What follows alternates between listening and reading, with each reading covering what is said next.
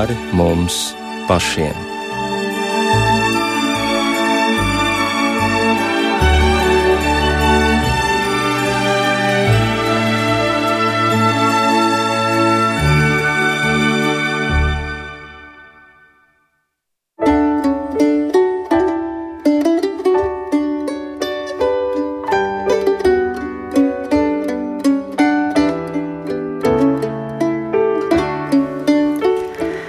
Esiet sveicināti raidījumā pāri mums pašiem, lai ir slavēts Jēzus Kristus.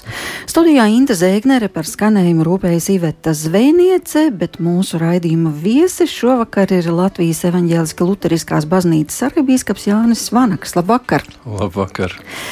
Šodien baznīcā tiek svinēti pļaujas svētki, sauc arī tos par ražas svētkiem, pateicoties par izaudzēto ražu, par visām rudens veltēm. Savukārt pirms dienas cilvēku pārpilnā Rīgas domā notika pateicības dievkalpojums. Daudz garīdznieku, bīskapi viesi no ārvalstīm, un viens no iemesliem bija 30 gadi, kopš jūs esat arhibīskapa amatā. Tāpēc vispirms apsveicam ar zīmīgu jubileju. Paldies! Un tātad 1993. gada 26. janvārī jūs tikāt ievēlēts arhibīskapa amatā, un 28. augustā Rīgas domā konsekrēts. Man šķiet, ka 29. Nu, pareizi. Jā, jūsu atmiņa, jūs nebija.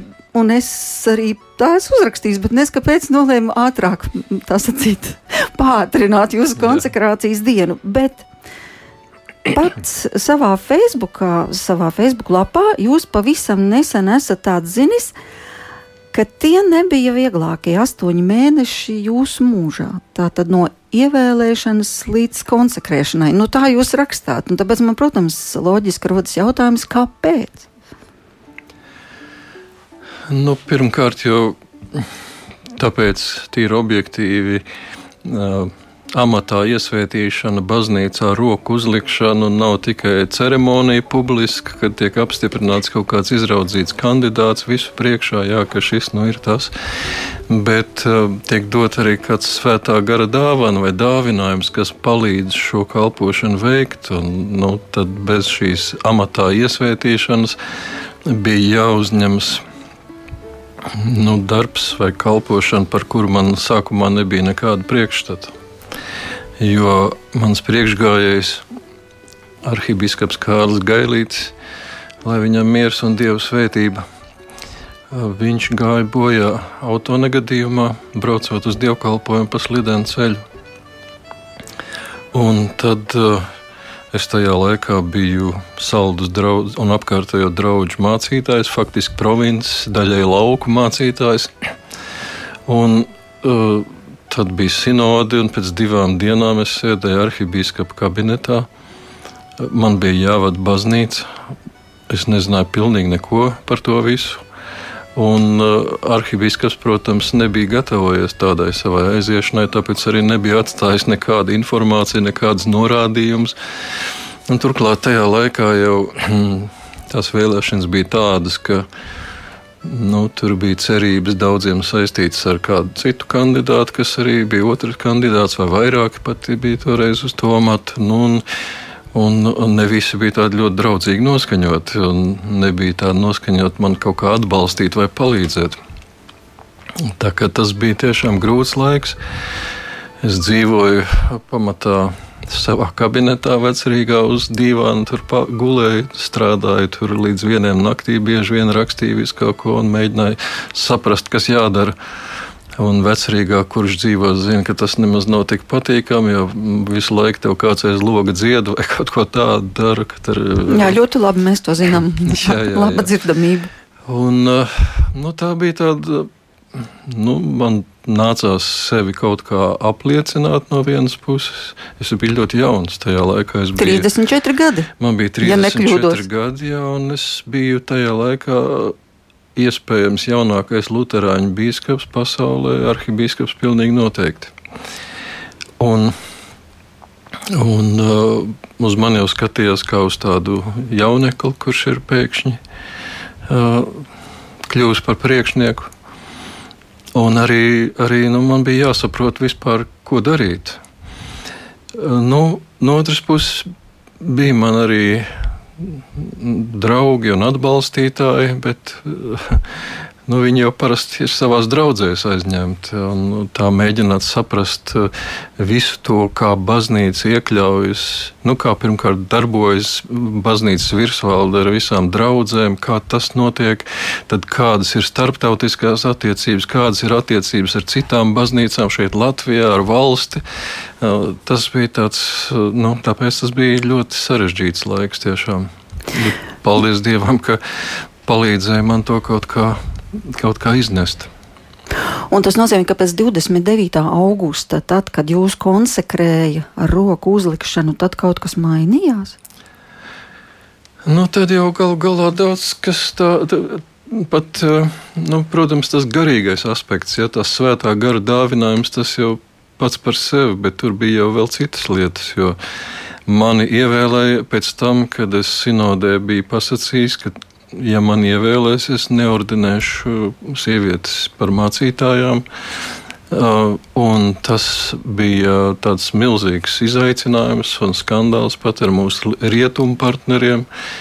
Toties tradīcija bija tā, ka Latvijas biskupa amatā iesvēta Zviedrijas biskupi. Nu, tas no, no, tāpēc, ka Zviedrijā reformācijai izdevās saglabāt vēsturisko roku uzlikšanas pēctecību biskupiem, viņi nepārtrūka. Tā, tā apustuliskā sukcesija, kas nu, varbūt Lutāņiem nav gluži tik svarīga, kā katoļu vai pareizticīgo baznīcā, netiek uzskatīta par tik par, par, ne, saka, neizbēgamu priekšnoteikumu, lai kas vispār būtu. Bet, Bet tomēr, un, nu, un tad Zviedru kolēģim Stokholmā, biskupam Svenungsonam, bija tāds arī nopietns izaicinājums, jo viņam jau arī bruka virsū, ko tad uh, tu brauks iesvētīt amatā šo te.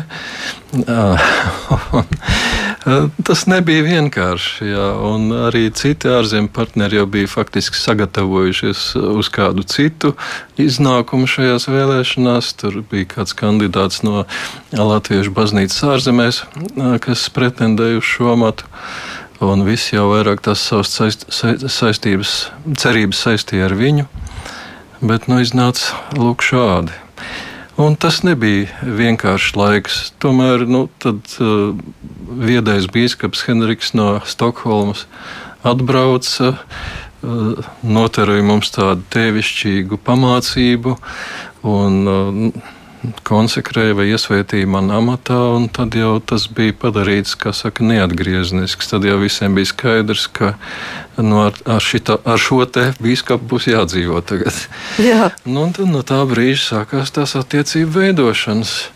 Es negribu kaut kā pārspīlēt ļoti, ja nu, varētu it kā nodomāt, ka kaut kādas baigās cīņas baznīcā vai aizkulišu kādas lietas, nu, bija jau tur visādas intereses, nu, dabiski, nu, vēlēšanas ir politiska lieta, un tad jau ir pretinieki un atbalstītāji un dažādas intereses.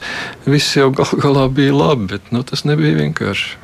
Bet jums bija 34 gadi, un tiešām, kā jūs sacījāt, pavisam jauns un iespējams jaunākais no saldus. Pēkšņi ieradies Rīgā, bet neskapēc gatavs diktēt savus noteikumus, nu, kaut vai arī par sieviešu konsekrāciju. Un, un stāvēt savās pozīcijās un nepiekāpties. Tad, tad vieglāk nebūtu piekāpties. Nu, kāpēc ir jāstrīdās šī jautājuma dēļ? Nē, nu redziet, ja jau mani, es pieņemu, ka, tas, ka šis jautājums bija man nostāja šajā jautājumā iespējams bija viena no, viena no svarīgākajiem um, aspektiem, kāpēc man vispār ievēlēja. Jo, uh, nu, kā mēdz teikt, arī baznīcā uh, nav sveša tā sacensības starp tā saucamajiem liberālajiem un konservatīvajiem spēkiem. Nav cilvēki, kas mēģina vairāk saglabāt nu, tās robežas kas, un tos ceļus, kas līdz šim baznīcai ir izrādījušies par svētību, un atkal cits cilvēki, kas ir gatavi izpētīt jaunus laukus, jaunas iespējas, jaunas robežas. faktiski jau baznīcā vienmēr vajag abus. Tam jābūt kaut kādam līdzsvarā. Viena, kas izpēta jaunus laukus, un citi, kas sargā robežas, lai neaiziet galīgi mežā visas lietas. Un, ja, ja nav vienu, ja nav to meklētāju, tad, tad baznīca pārkaļķojas, un, ja teiksim, ir tikai tādi meklētāji, tad viņi nezin, kur var aiziet. Nu, bet tad, kad runa ir par varas pozīciju, ja, par to, kurš tad būs vadītājs un baznīcas galva, tad jau, protams, katrs mēģina tā pavilkt uz savu pusi. Un, nu, ja es biju sacījis, ja es, biju, es biju pasakījis savu nostāju, un sinodu man ievēlēja, tad jau man nebija vispār variantu uh, kaut ko mainīt savā nostājā. Man bija tas sinodas mandāts, tas ir baznīcas augstākā lēmēja orgāna mandāts šajā jautājumā. Un tā es esmu to arī līdz šim pildījis. Nu, tad 1916. gadā Sinoda beidzot nolēma nevis paļauties uz manu nostāju vienkārši, bet uh, ietvert to baznīcas satversmē, nostiprināt. Tas ir kurā gadā? 2016. À, 2016. Nu, jā. Noteikti tas jau nebija vienīgais jautājums, kurā jūs nospraudāt kaut kādu mērķi vai virzību, kur baznīcai garīgi jādodas, kas viņai būtu jāīsteno, kas ir lielākie izaicinājumi tajā brīdī, 90. gados. Pasarg Dievs, ka tas būtu bijis vienīgais. Faktiski vienkārši tas ir tas, par ko nezinu, kāpēc pārsvarā man jautā. Nu, tas tāpēc, ļoti, ka joprojām ir aktuāli. Par to ļoti daudz ir runāts, bet tas faktiski nebūtu nav tas galvenais, ar ko man ir bijis jānodarbojas. Tas bija ārkārtīgi faktiski tāds aizraujošs un interesants laiks.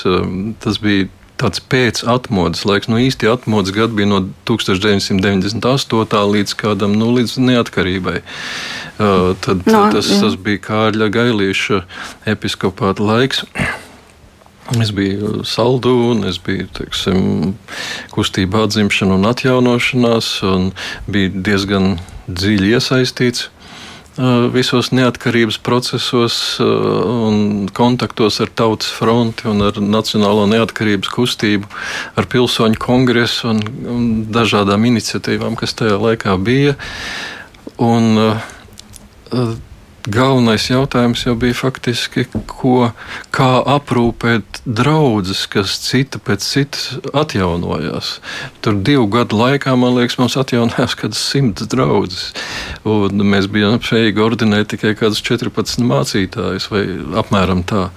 Es cik atceros no galvas tos skaitļus, un kā to visu aprūpēt. Un, un mēģināt uh, arī viņus iedvesmot un apciemot. Un tur jau bija tik daudz, nu, līdzīgi kā Lutera laikā, kā Luters bija satriekts tā apklaušanoties, cik daudz cilvēku zina par ticību, ja, kad neko daudz nezina. Bet, nu, tas bija drusku savādāk viņam. Mums bija tā, ka cilvēki ar lielu entuziasmu pievienojās draudzēji, bet, piemēram, nesaprata jautājumu, kāpēc ir jābūt kristītam un iesvaitītam, lai būtu draudzē.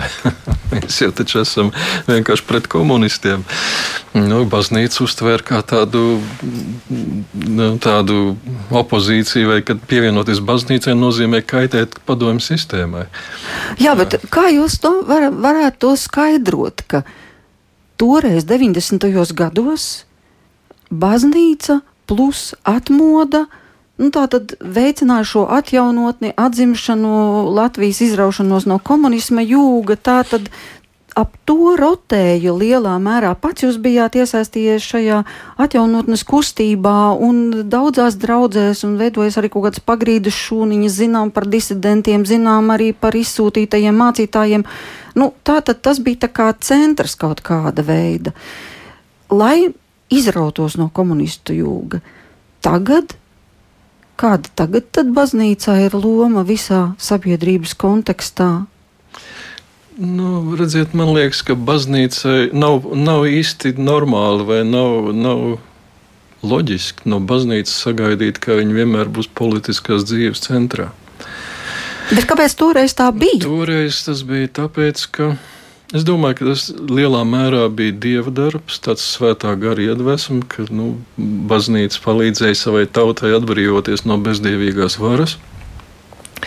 Un tāpēc, ka baznīca bija uh, vienīgā organizētā opozīcija, lai nu arī kāda, bet viņa bija vienīgā organizētā opozīcija. Es atceros, ka tad, kad piemēram bija pilsoņu kongress, kad vajadzēja Latvijas pilsoņus uh, reģistrēt, tad vienīgā vieta, ko, kur to varēja darīt, tas bija baznīcās. Cilvēki gāja uz baznīcām un reģistrējās kā, kā Latvijas pilsoņi.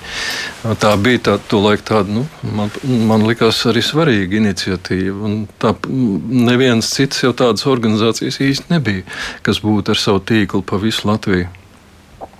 Un, uh, nu, Tolaik uh, mums bija šis mērķis atgūt brīvību, izrauties no bezdievīgās varas, un tur apvienojās dažādi cilvēki, gan ticīgi, gan neticīgi. Tur bija tāds viens ideāls kaut kāds. Bet bieži vien jau notiek tā, ka tad, kad tas mērķis ir piepildīts, tad uh, nu, šī motivācija ir zudusi. Nu, vis, tas ir sasniegts. Tagad katrs, Esam atbrīvojušies. Katrs tagad dara savu lietu. Un nu, baznīcas uzdevums bija sludināt evaņģēlīju, pasniegt cilvēkiem sakramentus, nu, rādīt viņiem ceļu pie dieva un kā jēgpilni nodzīvot savu dzīvi saskaņā ar to atklāsmi, kāda mums ir dota svētajos rakstos un kāda kungs Kristus ar savu priekšzīmi parādījis. Tāpēc arī nu, izrādījās, ka tieši šis aspekts nebija tik masveidīgi saistošs cilvēkiem, kā tas, ka mēs tagad sagrausim padomu impēriju. Ja, tas vienkārši tur salikās, tie vektori kopā, tie spēki apvienojās. Nu, tagad mēs darām savu lietu. Uh, Nu, nu, nu, kā jau tas mēdz būt, lielā mērā tas notika tāpat ar visu atmodu, ka bija šis, šis vilnis, ja cilvēki deva, stāvēja Baltijas ceļā un izgāja manifestācijās un riskējot ar, ar savu drošību, darīja visādas pretpadomi lietas, bet ne jau viņi nostājās valsts priekšgalā gal galā. Ja, tur bija biznesmeņi un advokāti un, un dažādi ļaudis, kas nu, sāk darīt tās lietas pa savām. Ja, un, Un tad um, notika ma, uh, diezgan liela un redzama izmaiņa arī mediju darbībā. Ja, kad uh, kādreiz tiksim, tajos atmodas laikos mediju plašsaziņas līdzekļi bija ļoti draudzīgi baznīcai un, un uh, atvēlēja. Es atceros, mums televīzijā vienreiz iedeva kaut kādas trīs stundas laika, ko mēs nemaz nemācījām aizpildīt.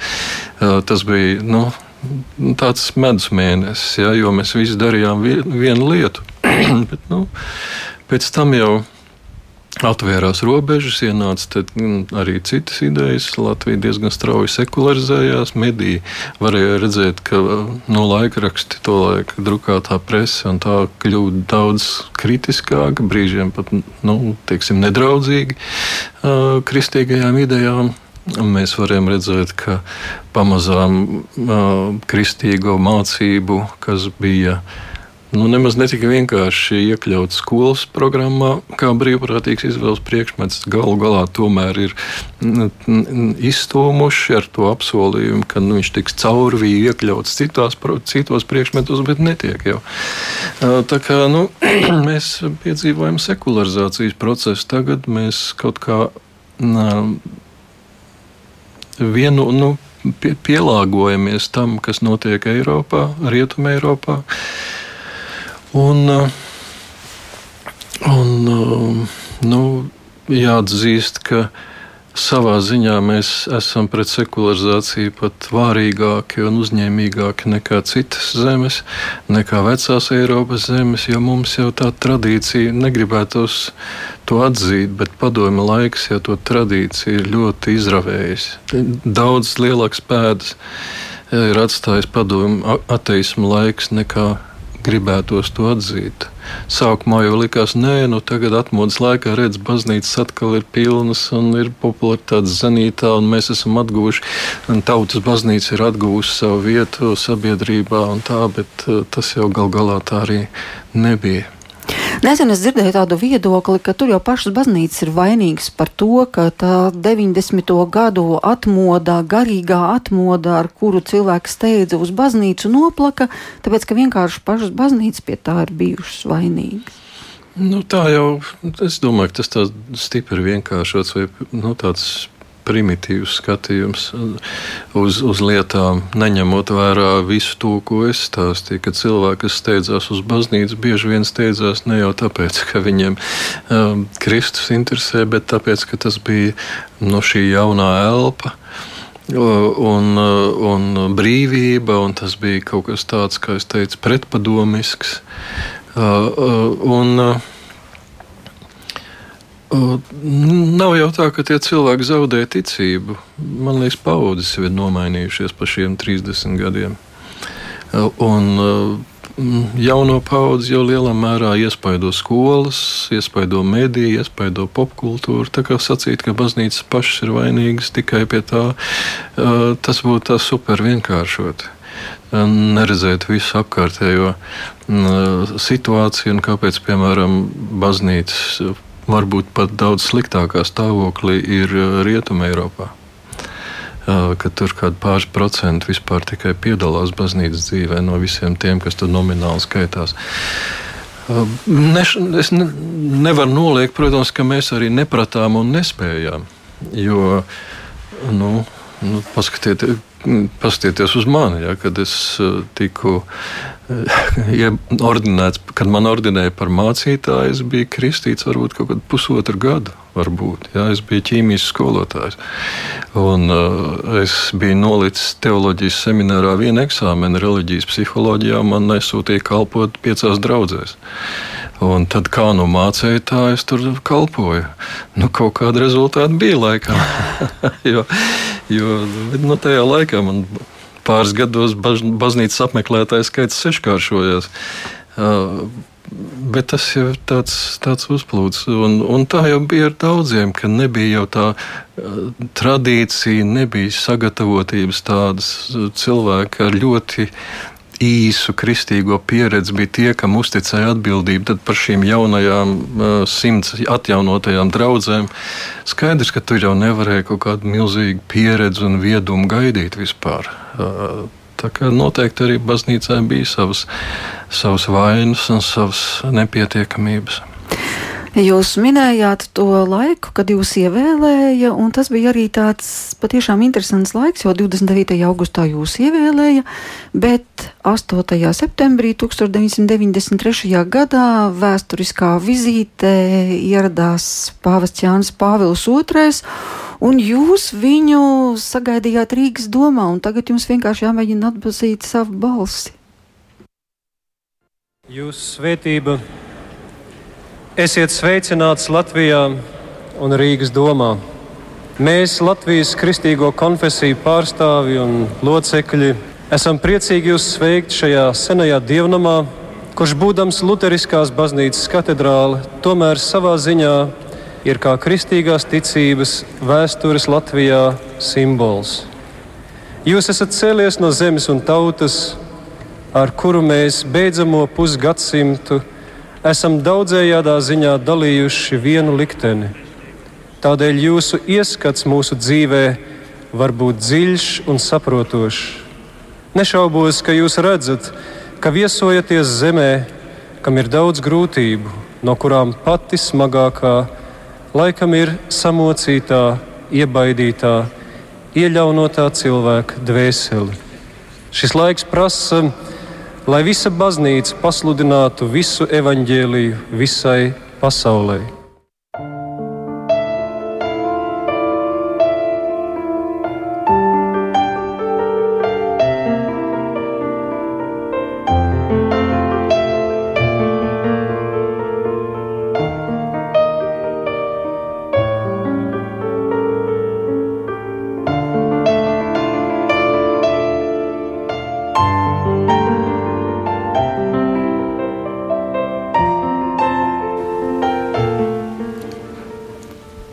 Atpazināt sevi?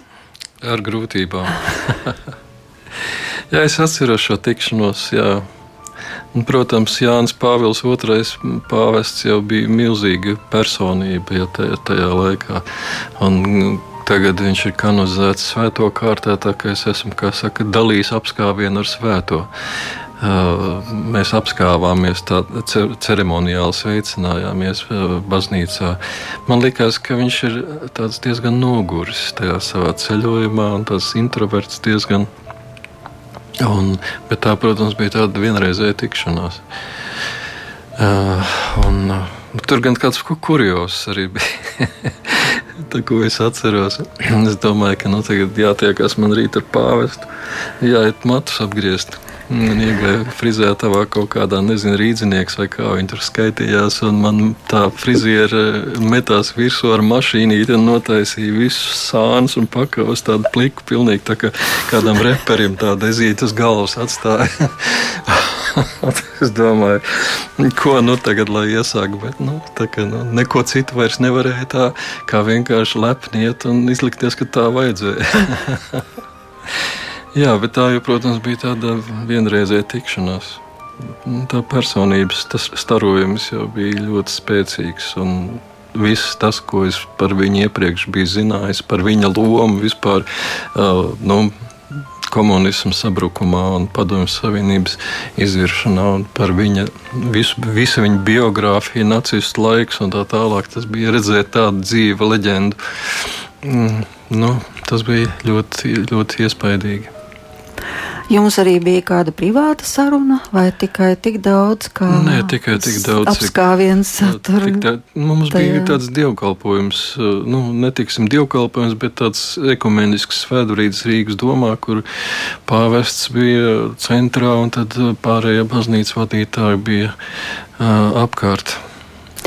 Jā, es atceros arī to video. Pat tiešām nu, tāds slaids, jauneklis, ļoti tievs. Ja tagad jūs sakāt par frizūru, pat tiešām tā frizūra bija interesanta, bet toties kas par stāju. Jūs runājāt šo savu uzrunu ar ļoti lielu pārliecību, un tur nebija nekādas tādas drebināšanās vai uztraukuma, katrā ziņā ar ļoti lielu mieru. Un tas man arī drusciņā pārsteidz. Man liekas, nu tomēr 93. gads un liels notikums, un ja, ja es atceros, kā mēs te bijām visi pārstresojušies par visām tiešraidēm, kas bija jāvada. Bet nē, Kā, nu, tomēr... Līdz 8. augustam es jau biju izgājis krustuguniem cauri. Man nebija vairs par ko uztraukties. es teicu, ka tie pirmie mēneši bija grūti, un tie jau bija man norudi, norūdījuši diezgan. Es atceros to kā tādu priecīgu notikumu, ka tiešām viena tāda izcila personība varēja sastapt un uzņemt mūsu katedrālē. Es zinu, ka visiem nemaz tik ļoti nepatika tas, ka pāvests viesojās domā bija man kādi, kas pārmeta, nu, kad, kad es tur tā esmu pa daudz ekumenisks. Bet tas ir pateicis, lai viņš nenāk uz domu, un tas būtu pilnīgs idiotisms. Jā, interesants laiks, un tagad 30 gadi jūs sākāt runāt par ekumēnismu. Nu, kas ir noticis par šiem 30 gadiem? Kā ir šī savstarpējā sadraudzība starp baznīcām attīstījusies? Tā ir attīstījusies, tā vienkārši ir iekonservējusies, kāda tā bija.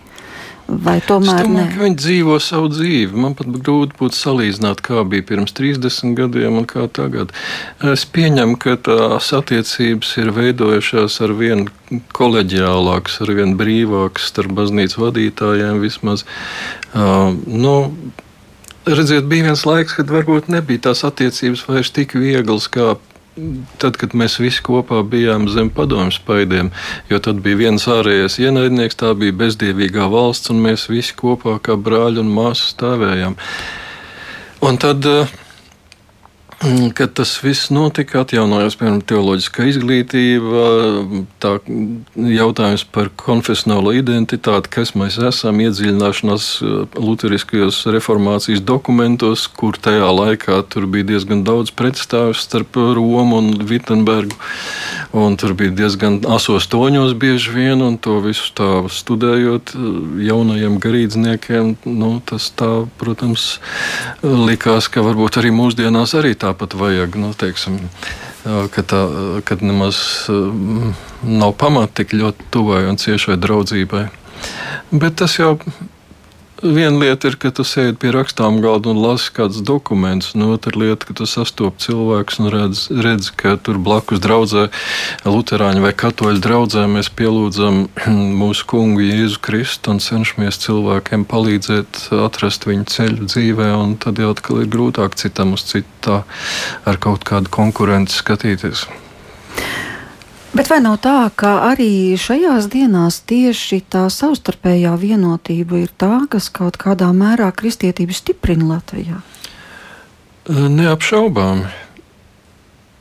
Jā, es domāju, nu, tas bieži ir uzsvērts, bet Latvijā tiešām ir kaut kāds tāds izņēmums stāvoklis. Jo, jo faktiski tik ļoti tādas personīgas un tuvas attiecības baznīcu starpā reti, kur ir. Es neesmu vispār redzējis un daudz apbrīnot to, to īpašo žēlastību, kas Latvijā ir bijusi. Un tas daudzkārt ir palīdzējis arī nu, stāvēt par kristīgajām vērtībām, par kristīgiem principiem. Jo, ja mēs vēl savā starpā nevarētu vienoties, nu, tad būtu pavisam grūti šodien uh, iepratī visnotaļ agresīvajam, postmodernajam tādam narratīvam vai stāstam turēties, kas ļoti jau taču dominē tomēr. Ir jau tādi mūsdienās, kas ir noticis, ir ļoti mainījušās tehnoloģijas. Jo tad, kad es sāku kalpot biskupa pamatā, nebija jau vispār tāda mobilā telefona, nebija faktiski interneta, nebija vēl. Uh, vismaz Latvijā noteikti nebija. Es atceros, ka es nevarēju saprast, kas tas e-pasts ir.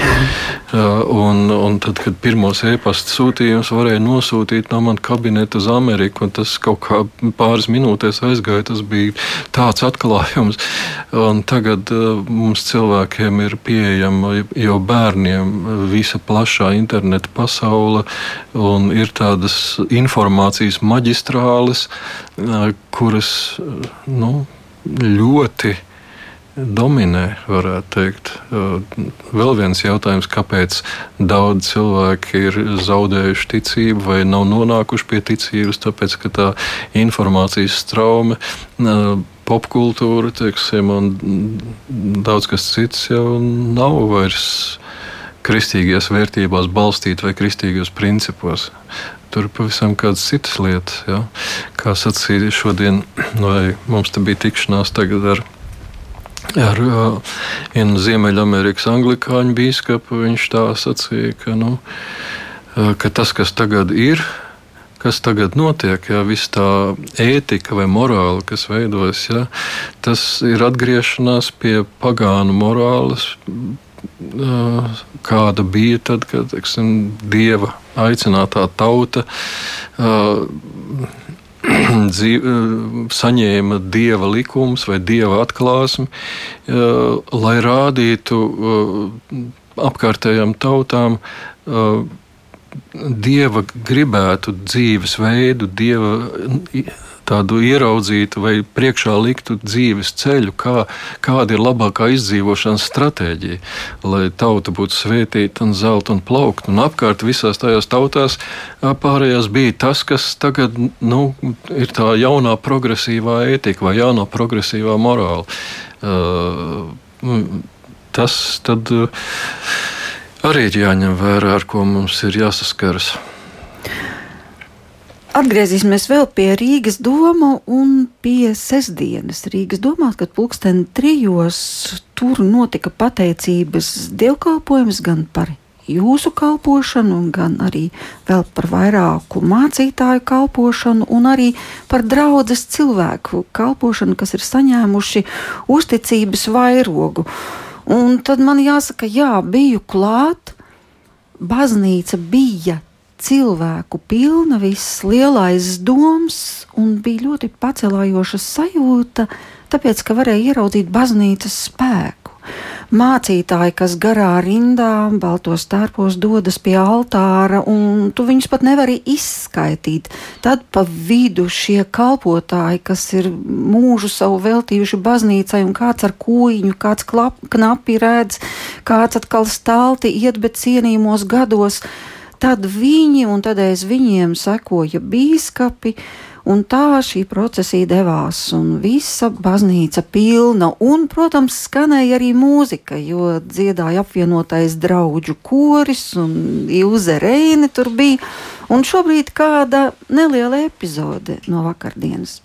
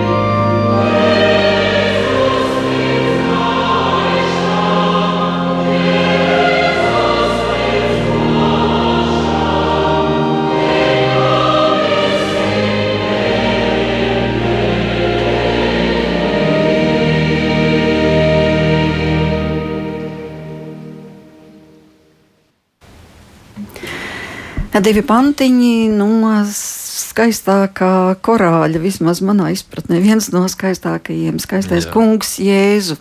Pirms tam arī Elšadai ieskanējās, kas arī ir ļoti būtiski vārdi, jo tas ir Dieva vārds un šī jā. populārā melodija. Dievs, jā.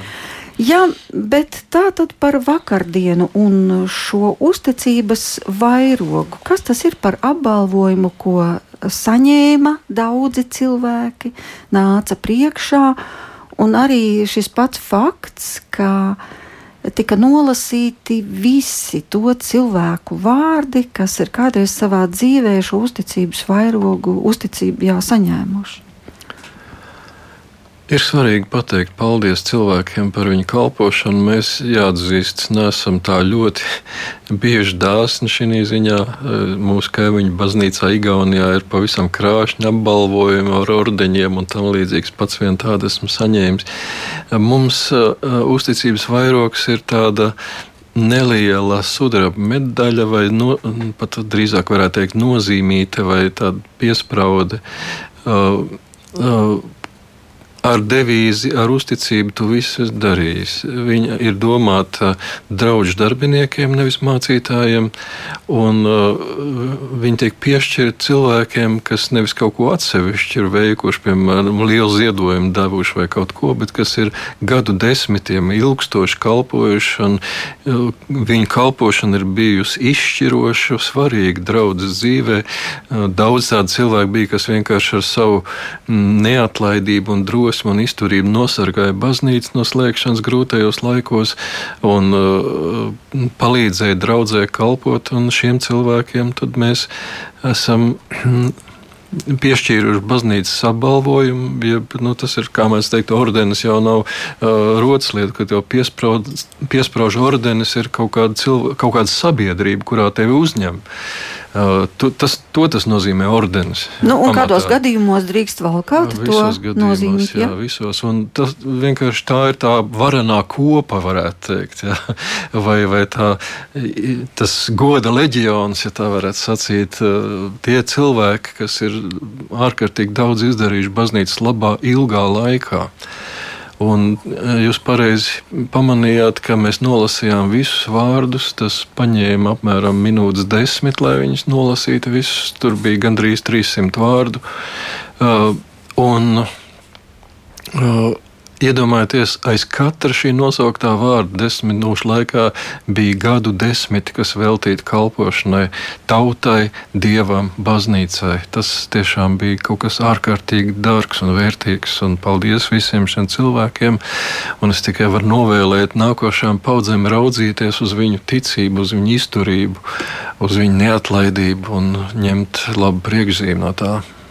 Jā, es atceros kādu stāstu par Sidgundas baznīcu. Ceru, ka nejaucu. Un tas stāsts bija Suntažu. suntažu, jā, suntažu, kur vienkārši uzzinot to, ka baznīca ir slēgta padomju laikā un šī atslēga ir aiznesta kaut kādam tur vietējam priekšsādātājam uz izpildu komiteju.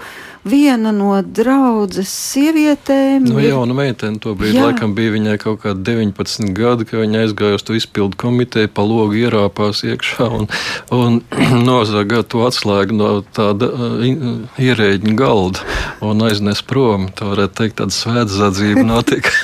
Nē, mantas paņemšana atpakaļ. jā, jā, jā. Uh, mantas paņemšana atpakaļ un, uh, nu, viņai nesekoja kaut kādas lielas represijas par to. Baznīca gal galā tad netika slēgta, un šī pati sieviete, no nu, jau Dieva priekšā, cik es esmu dzirdējis, bet, bet viņa taču pēc tam visu to laiku, nu, kad baznīca slēdzas, tie bija kaut kāda Hruščova laika pamatā, jā, 60. gadi, un līdz pat atmodas laikam, līdz brīvības laikam turēja, lai šī baznīca būtu vaļā lai netiktu aizslēgta. Un lūk, tādi cilvēki. Jā, un bija jādomā, kā nomaksāt tās lielās nodevas.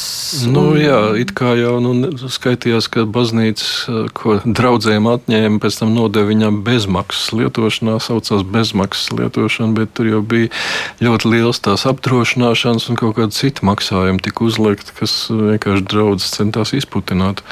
Tad bija cilvēki, kas ziedoja un tādā veidā stāvēja par dieva darbu. Nu jā, vēl viens Mums... uzticības vairogs, varētu tā sacīt. Jā, šī, šī bija viena no tām sievietēm, kas saņēma, vai darbiniecēm, kas saņēma to uzticības vairogu. Jā. Vēl man ir jautājums par jums.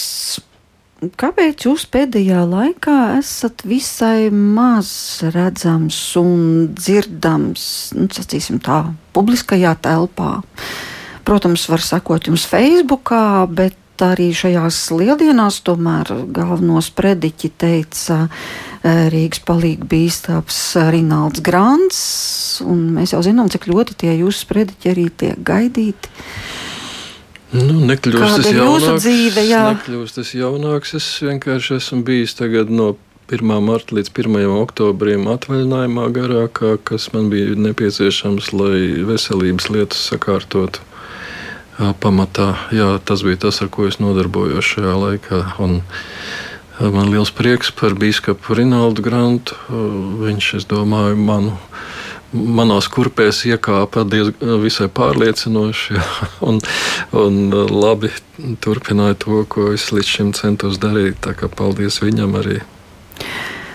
Kā tagad izskatās baznīcas situācija? Eh, Lutheriskās baznīcas situācija. Vai daudz, piemēram, piesakās, ka izjutuši aicinājumu kļūt par mācītājiem, par garīdzniekiem, vai kāda ir šī iekšējā aktivitāte, kas notiek?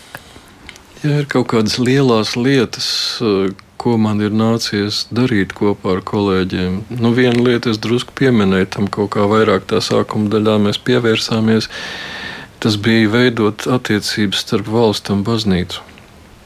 Jo padomju laiks, kad beidzās, tad faktiski nekāda īpaša jaunai situācijai atbilstoša attiecība nebija. Un tad, uh, tas bija viens apgabals, viens lauks, kurā es ļoti daudz darbojos. Uh, lai veidot, es pat biju iesaistījies reliģiskā organizācija likuma veidošanā un, un bija. Bija baznīcai savā laikā tā, tāds brīnums, kā likumdošanas iniciatīvas tiesības. Bet, un, Un, un tad bija dažādas padomas, konsultatīvās padomas un citas visādas padomas, garīgo lietu padomas. Dažas no tām eksistē joprojām, vairāk vai mazāk. Tā bija viena tāda liela sfēra, baznīcas un valsts attiecības. Bet otra lieta bija teoloģiskā izglītība. Un, uh, tur bija diezgan garš un sarežģīts stāsts. Jo pirms kara Latvijā bija Universitātes teoloģijas fakultāte, un tad biskups Irbe nebija visai apmierināts ar to, kādā veidā studenti tiek sagatavoti darbam baznīcā, un viņš nodibināja tādu teoloģisko institūtu. Un, tad padomju laikā abas aizslēdza. Un nacistu okupācijas laikā tāpat arī neatvēra neko no jauna, protams. Un, uh, tad kaut kur 60. gados tikai lēnām ar grūtībām sākās tā iespēja Lutheriskajā baznīcā kaut kādu teoloģisko izglītību veidot. Ja, tur vispirms drīkstēja sarīkot vienu konferenci gadā, kur tad kaut kādas lekcijas tika lasītas, un tas sākās ar reliģijas lietu pilnvarotā politika informācija. Vienmēr es tās vēl atceros, ka tāds bija. Un, Un tad, tad ar grūtībām izdevās tādu semināru, neklātienes semināru, kur trīs dienas nedēļā studenti drīkstēja sabraukt kopā uz lekcijām. Pamatā mēs lasījām, tas bija tas, tas laiks, kad es mācījos baznīcas seminārā. Tad mēs lasījām pamatā mācību literatūru, un tad bija kādas lekcijas, un mēs likām eksāmenus. Un tad atjaunojām teoloģijas semināru, kurā, kurš bija jau pilna laika. Tur Daglava ielā pretī Pāvila baznīcā bija tāda neliela ēka, kur bija teoloģijas seminārs. Tur mums bija jau veidojies, vai tur pārvietojama mūsu biblioteka, kas no bija no baznīcas, un tur bija pasniedzēji. Jau pilnā, pilnā jaudā darbojās teoloģiskā izglītība, un tad arhibīskapam Gailītam bija tā, tā, tas, tas sapnis. Uh, atjaunot teoloģijas fakultāti. 90. gados viss visādas lietas bija iespējamas. Es īsti nezinu detaļas, kā tas notika, bet viņi vienojās ar rektoru Juru Zaķi tajā laikā, un kādu dienu tika nomainīts plāksni pie durvīm. Nebija vairs teoloģijas seminārs, bija, bet Latvijas Universitātes teoloģijas fakultāte. Tas pats tie paši pasniedzēji, tie paši studenti, tā paša biblioteka, ēka tāpat, viss tas pats, tikai mēs bijām tagad teoloģijas fakultāte. Nu, neviens jau tajā laikā bija mācītājs Modris Plāts, kurš teica, ko mēs darām. Mēs taču atdodam prom savu semināru. Un sākumā tas likās, nu, kā nu, pa valsts naudu izglītot savus mācītājus, viņi vēl saņems valsts atzītu diplomu, vai cik skaisti. Bet nu, universitāte ir sava noteikuma, un, protams, ka mēs nevarējām to visu izpildīt. Pamazām mūsu mācītāji vairs tur nebija mācību spēka, tur pārņēma atkal nu, citas akadēmiskais personāls. Tā jau tas, tā, tā, tā fakultāte aizgāja tā tālāk prom no baznīcas, savu, sāka savu vairāk pētniecības darbu un tādu tā kā vispārēju reliģijas zinātņu virzienu. Un, uh, es teikt, ka tas varbūt bija viens no svarīgākajiem lēmumiem, ko es esmu pieņēmis, ka ir jādibina mūsu Lutera akadēmija. Ja tas nebūtu izdarīts, es nezinu, kas, kāda šodien izskatītos mūsu baznīca. Tas jau bija pirms vairāk nekā 20, 26, 27 gadu, kopš tas notika. Un, tad mēs nodibinājām Lutera akadēmiju. Pirmais rektors bija viens vācu profesors no Erlangens. Pēc tam bija mums ļoti, abi ļoti izcili tādi pasaulē zināmi profesori, tāds doktors Viljams Vainrīks no Amerikas.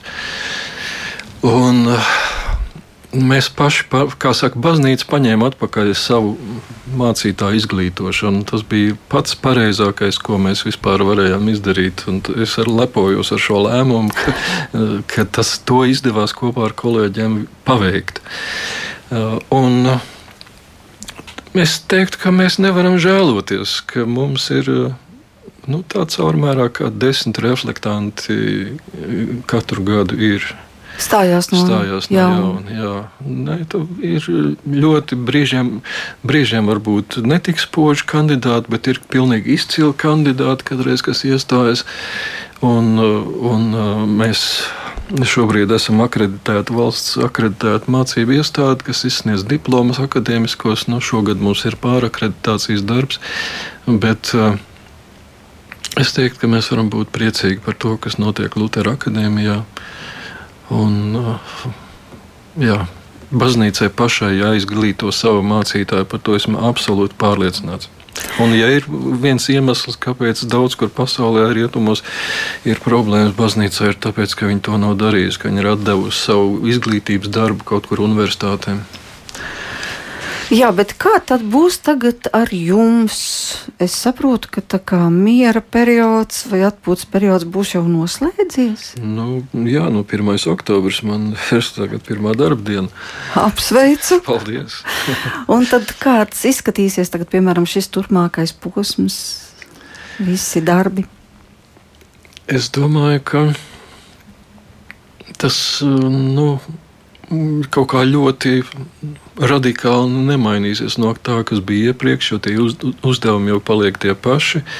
Viena lieta, par ko esmu ļoti priecīgs, ko ir izdevies paveikt eh, šajos gados, eh, ir izveidot labu komandu. Eh, sākumā bija viens biskups mūsu baznīcā. Tagad mēs esam jau pieci. Mums ir biskupa kolēģija, un tas ir tik brīnišķīgi, ka mums ir tāda koleģiāla vadība iespējama, ka nav tāda kaut kāda monarhija baigā mums baznīcā. Un uh, tad nu, es kopā ar mūsu, ar saviem kolēģiem, ar Dievu palīdzību kalpošu uz priekšu. Es pieņemu, ka nekas tā radikāli nemainīsies tagad. Protams, ir tas, ka mūsu baznīcās satversmē ir zināmas robežas, ja, ka bīskaps var doties emeritūrā, jeb laicīgā valodā pensijā, tad, kad viņam ir 65, cik man tagad ir. Bet tas nav obligāti. Un tad, kad sasniedz 70 gadu vecumu, tad ir jādodas pensijā.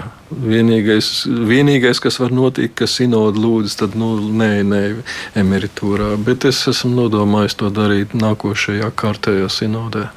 Tas ir kad? Tas ir 25. gadā. 25.